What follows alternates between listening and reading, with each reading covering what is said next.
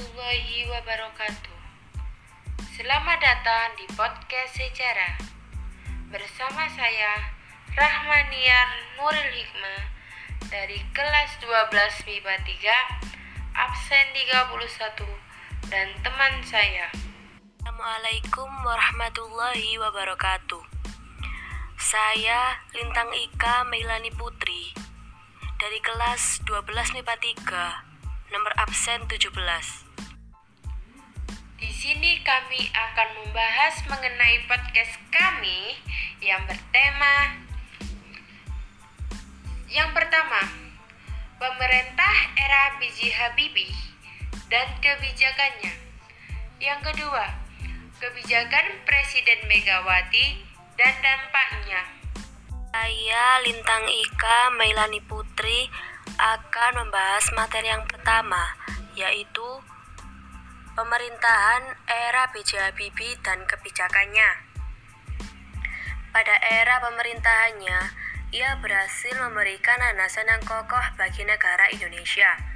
Sebelumnya, ia pernah merasa bahwa kondisi negara kacau balau pasca pengunduran diri Soeharto pada masa Orde Baru sehingga menimbulkan maraknya kerusuhan dan disintegrasi hampir seluruh wilayah Indonesia. Setelah memperoleh kekuasaan, Presiden Habibie segera membentuk sebuah kabinet untuk kembali mendapatkan dukungan dari Dana Moneter Internasional dan komunitas negara-negara donor untuk program pemulihan ekonomi.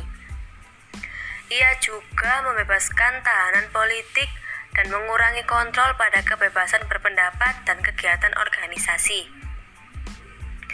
Pada eranya juga dilahirkan sebuah undang-undang anti monopoli atau undang-undang persaingan sehat. Perubahan undang-undang partai politik yang paling penting ialah undang-undang otonomi daerah. Melalui penerapan undang-undang otonomi daerah inilah gejolak disintegrasi yang diwarisi sejak Orde Baru berhasil diredam dan akhirnya dituntaskan di era Presiden SBY. Tanpa adanya undang-undang otonomi daerah, bisa dipastikan Indonesia akan mengalami nasib yang sama dengan, dengan Uni Soviet dan Yugoslavia pada saat itu. Pengangkatan B.J. Habibie sebagai presiden menimbulkan berbagai macam kontroversi bagi masyarakat Indonesia. Pihak pro menganggap bahwa pengangkatan Habibie sudah konstitusional, sedangkan pihak kontra menganggap bahwa pengangkatan Habibie tidak konstitusional. Menggantikan Presiden Soeharto yang telah lengser tahun 1998 lalu, Habibie yang menjabat sebagai wakil presiden menghadapi sebuah keadaan ekonomi yang memporak-poranda yang berdampak pada hilangnya kepercayaan masyarakat pada pemerintah. Untuk mengatasi krisis ekonomi, pemerintahan B.J. Habibie mengambil beberapa kebijakan penting, yaitu satu, pada bidang moneter dimulai dengan mengendalikan jumlah uang yang beredar menaikkan bunga sertifikat Bank Indonesia menjadi 70% dan menerapkan bank sentral independen. Dua, di bidang perbankan diterbitkan obligasi senilai 650 triliun untuk menalangi perbankan, menutup 38 bank dan mengambil alih 7 bank. Tiga, bidang fiskal, sejumlah proyek infrastruktur dibatalkan, juga perlakuan khusus bagi mobil nasional dan membiayai program jaringan pengaman sosial.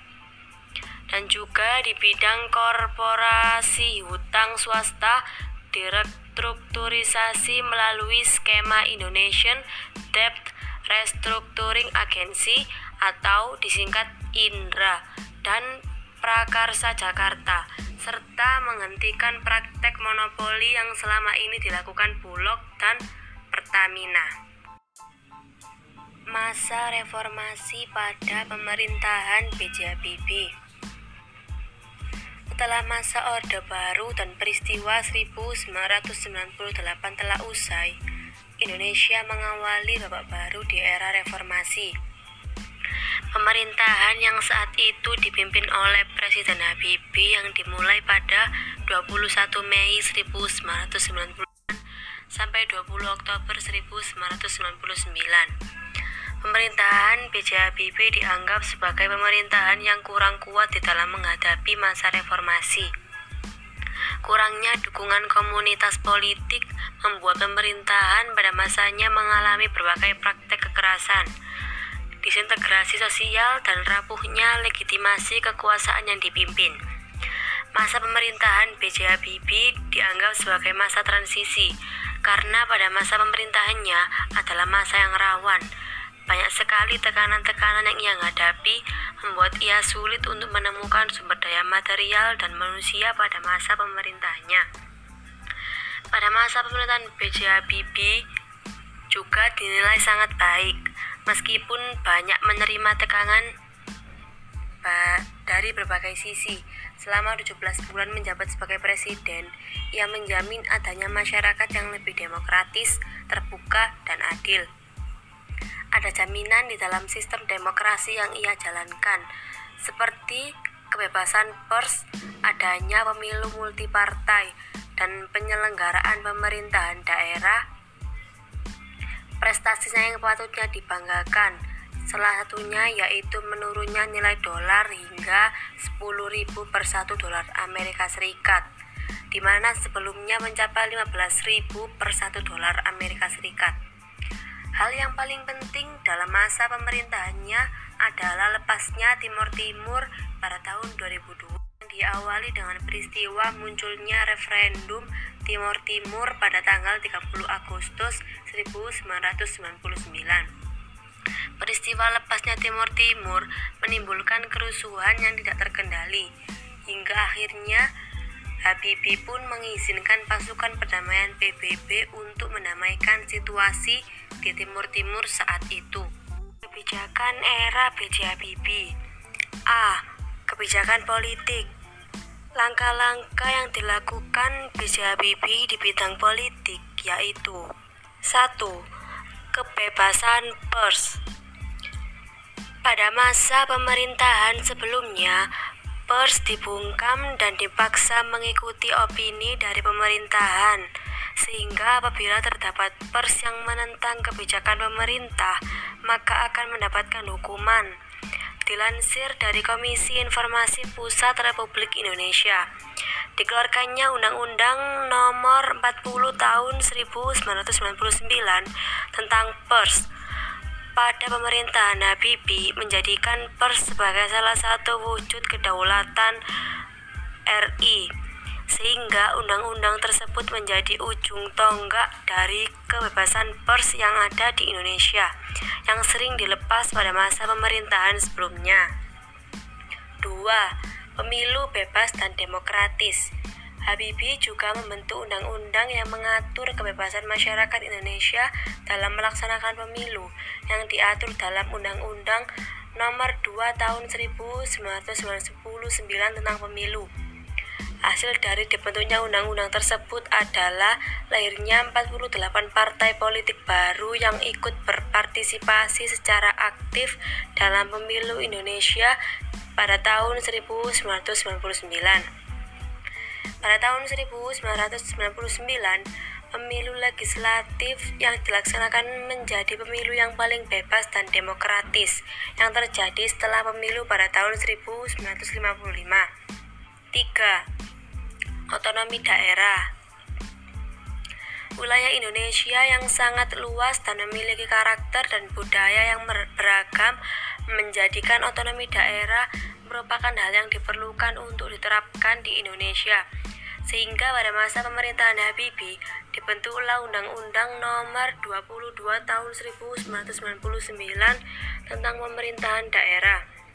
Hasil dari lahirnya undang-undang ini adalah meredanya gejolak disintegrasi yang sebelumnya sempat pecah di Indonesia. 4. Berakhirnya diskriminasi terhadap etnis Tionghoa. Inpres nomor 26 tahun 1999 dan Inpres nomor 4 tahun 1999 yang dikeluarkan oleh Habibie merupakan titik awal untuk mengakhiri perilaku diskriminasi terhadap etnis Tionghoa di Indonesia. Dalam Inpres menghapuskan larangan untuk berbicara dan mengajar bahasa Mandarin.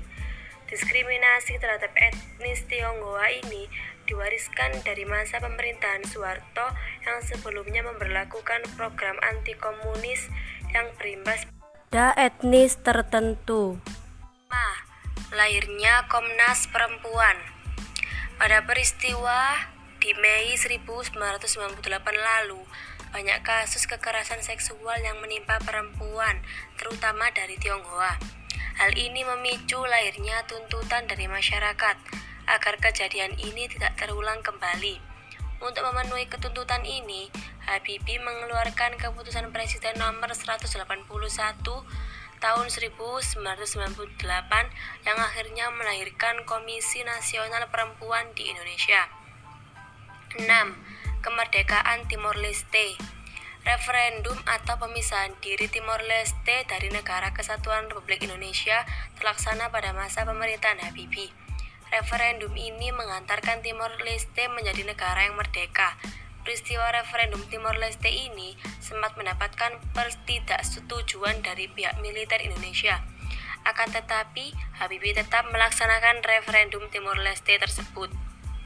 7.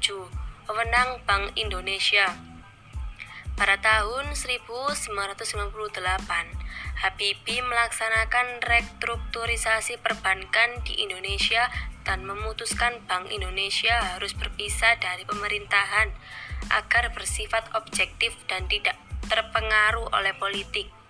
Pemisahan Bank Indonesia dari pemerintahan ini diatur dalam Undang-Undang Nomor 23 Tahun 1999. Dilansir dari Indonesia Bank, Bank Indonesia sebagai bank sentral di Indonesia diharapkan dapat membantu mengatasi krisis moneter yang menimpa Indonesia pada tahun 1998 dengan cara meningkatnya suku bunga sebesar 70% dan diterbitkannya obligasi senilai 650 triliun untuk menalangi perbankan. B. Kebijakan ekonomi kebijakan-kebijakan ekonomi yang dilakukan B.J. Habibie antara lain 1. Melakukan restrukturisasi dan rekapitulasi perbankan melalui pembentukan BPPN dan unit pengelola aset negara 2. Melikuidasi beberapa bank yang bermasalah 3 menerapkan prinsip demokrasi yang disertai penegakan yang ditujukan untuk kesejahteraan masyarakat. 4 meningkatkan koordinasi dan menghapus egosentrisme sekotral antar menteri. 5. Membangun pemerintahan yang transparan dan dialogis. 6. Menaikkan nilai tukar rupiah terhadap dolar hingga di bawah 10.000. 7. Membentuk lembaga pemantau dan penyelesaian masalah hutang luar negeri. 8. Mengimplementasikan reformasi ekonomi yang disyaratkan IMF. 9.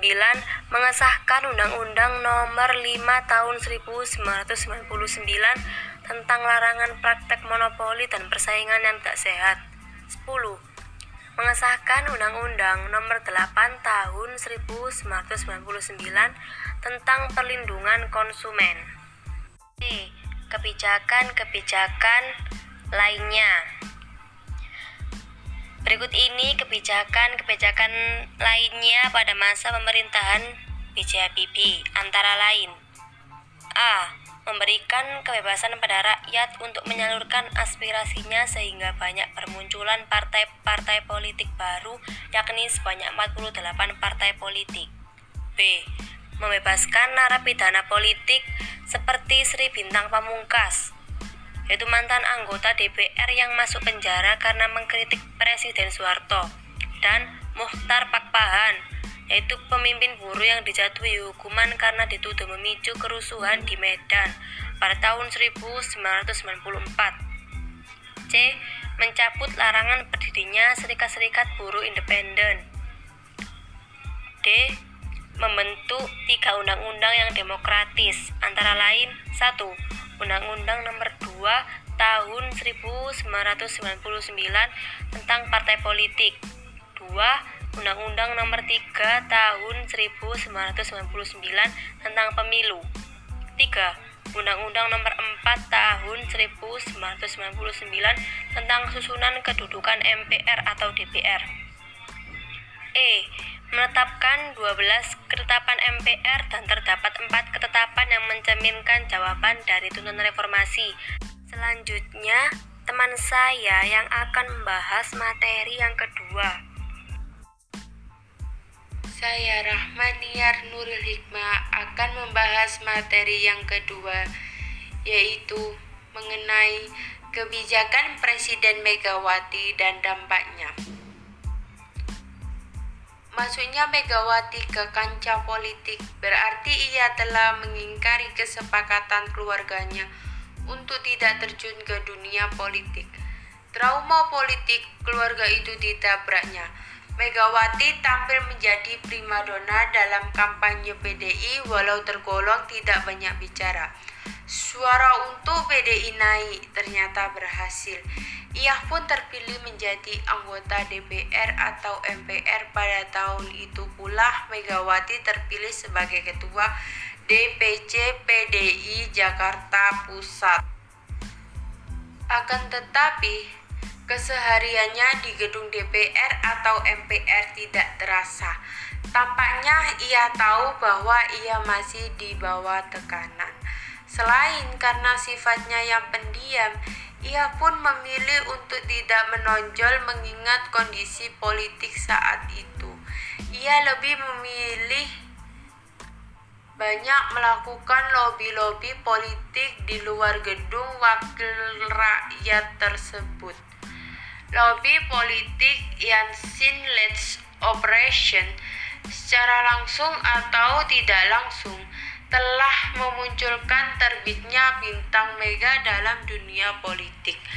Pada tahun 1993, ia terpilih menjadi ketua umum DPP PDI. Hal ini sangat mengagetkan pemerintah pada saat itu.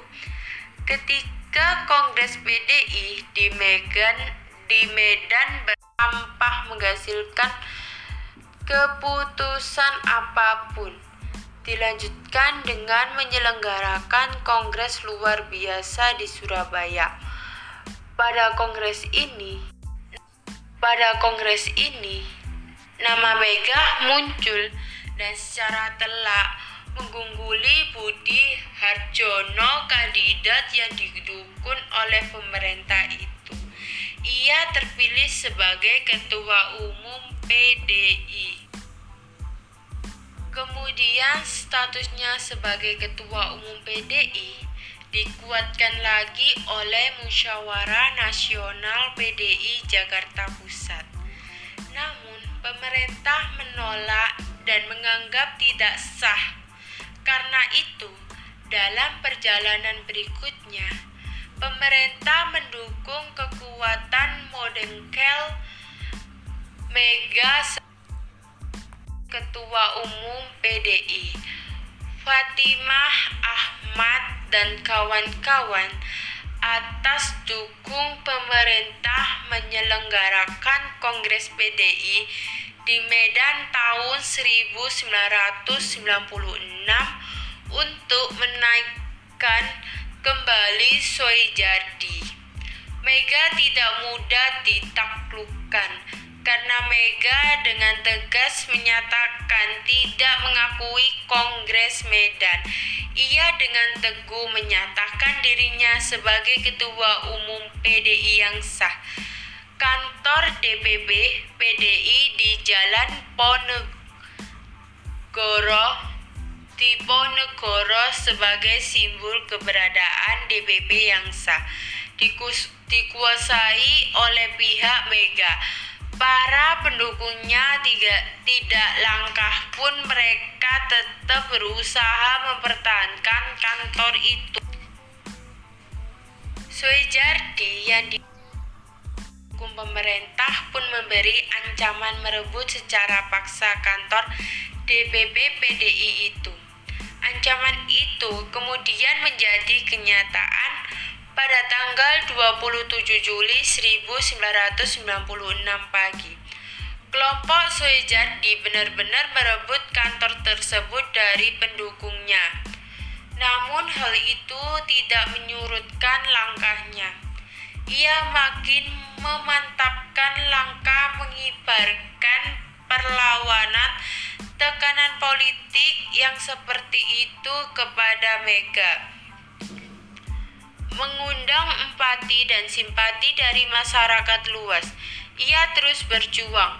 PDI pun menjadi dua, yakni PDI pimpinan Megawati dan PDI pimpinan Suijadi.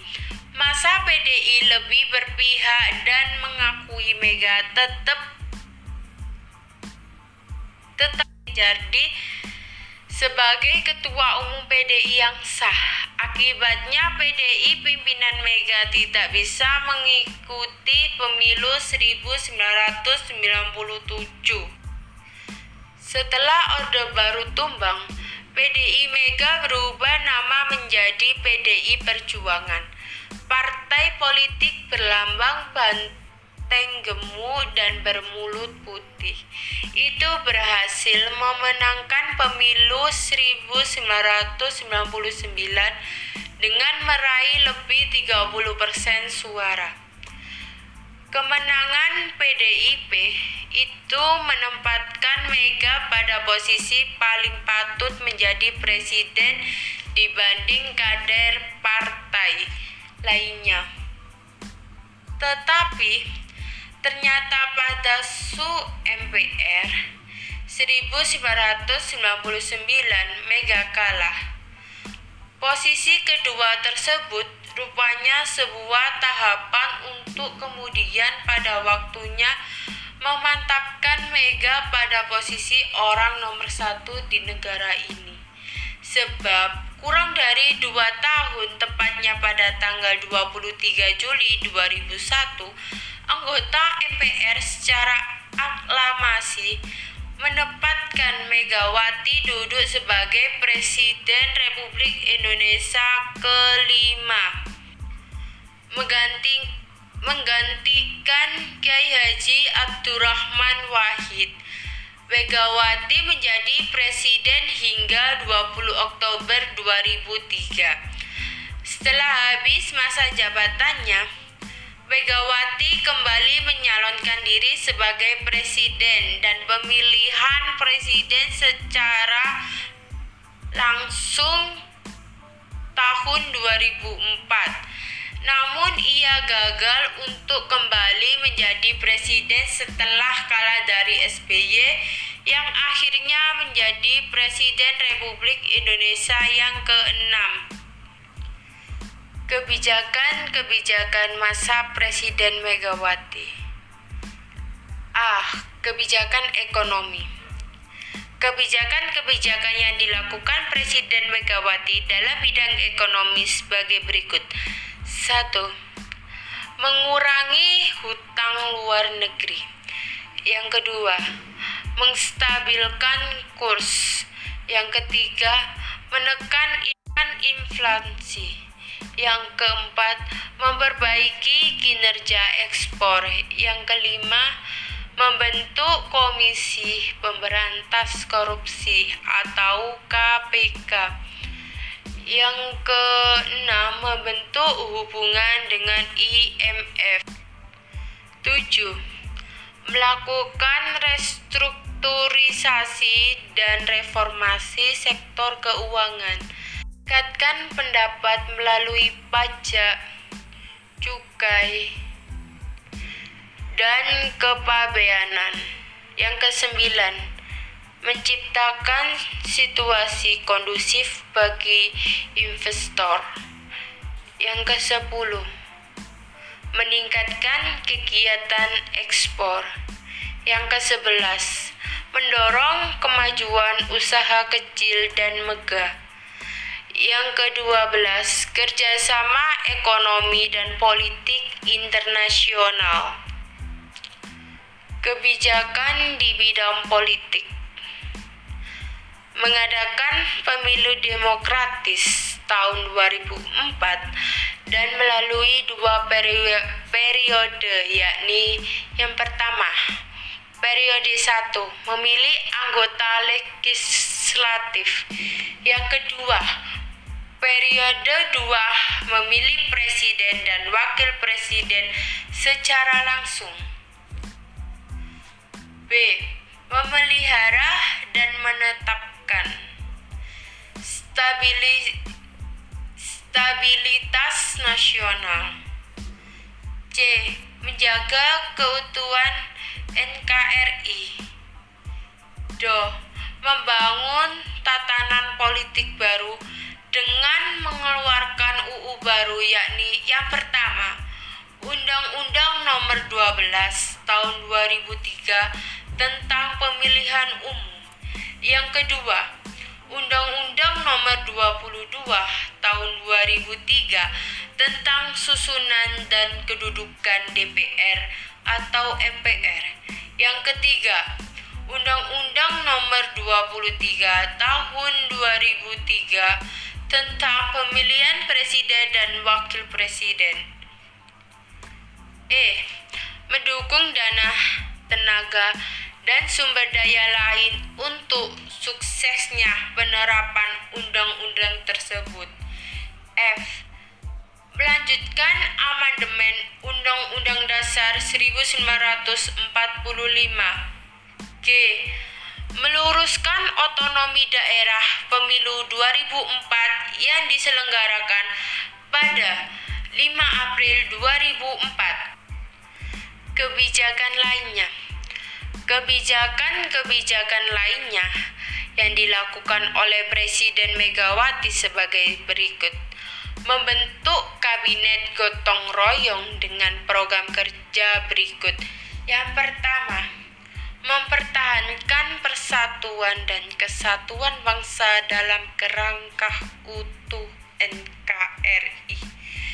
Yang kedua, meneruskan proses reformasi dan demokratisasi dalam seluruh aspek kehidupan nasional melalui kerangka arah dan agenda yang lebih jelas dengan terus meningkatkan penghormatan terhadap hak asasi manusia. Yang ketiga, normalisasi kehidupan ekonomi dan kemasyarakatan untuk memperkuat dasar bagi kehidupan perekonomian rakyat. Yang keempat, melaksanakan penahakan hukum secara konsisten, mewujudkan rasa aman serta tentram dalam kehidupan masyarakat, melakukan pemberantasan korupsi kolusi dan nepotisme disebut KKN. Yang kelima, melaksanakan politik luar negeri yang bebas aktif, memulihkan martabat bangsa dan negara serta kepercayaan luar negeri termasuk lembaga-lembaga pemberi pinjaman dan kalangan investor terhadap pemerintah. Yang keenam, mempersiapkan penyelenggaraan pemilu 2004 yang aman, tertib, rahasia, dan langsung. Keber keberhasilan dan kegagalan pada masa kepresidenan Megawati. Yang pertama, mendirikan lembaga pemberantasan korupsi atau KPK. Yang kedua, menghentikan aktivitas Freeport karena dianggap melarang aturan internasional tentang AMDAL. Yang ketiga, menghentikan kontrak pertambangan minyak Caltex di Blok Natuna Kepri. Yang keempat, menghentikan menghentikan kontrak pertambangan migas Kaltek di Riau Daratan. Yang kelima, membubarkan BUMN Indosat. Yang keenam, menangkap tujuh jenderal korup dan menangkap ketua Partai Golkar Akbar Tanjung yang terlibat korupsi dana JPS senilai 600 Rp 40 miliar. Yang ketujuh, keluar dari IMF yang menandakan Indonesia sedu sudah keluar dari krisis 1998 dan Indonesia yang lebih mandiri. Yang kesembilan, menangkap 21 pengemplengan bantuan likuiditas Bank Indonesia atau BLBI dikucurkan oleh Soeharto tahun 1996 sebesar 600 triliun. Yang ke-10 Megawati mengeluarkan Kepres nomor 34 tahun 2004 tentang penerbitan bisnis TNI. Yang ke-11, mendirikan akademis intelijen. Yang ke-12, melakukan pembangunan infrastruktur. Infrastruktur. Yang ke-13, lepasnya pula Sipadan dan Ligitan. Yang ke-14 memberikan suasana yang kondusif bagi situasi keamanan dan gonjang-ganjing politik. Yang ke-14 menstabilkan fundamental ekonomi makro yang porak poranda sejak 1998. Yang ke-15 menyehatkan perbankan nasional yang runtuh setelah 1998 yang ditandai dengan dibubarkannya BBPN pada Februari 2004. Yang ke-16, Indonesia berhasil keluar dari IMF pada tahun 2003 yang memen yang menandakan Indonesia sudah keluar dari krisis 1998 dan Indonesia yang lebih mandiri. Terima kasih. Sekian dari kami. Wassalamualaikum warahmatullahi wabarakatuh.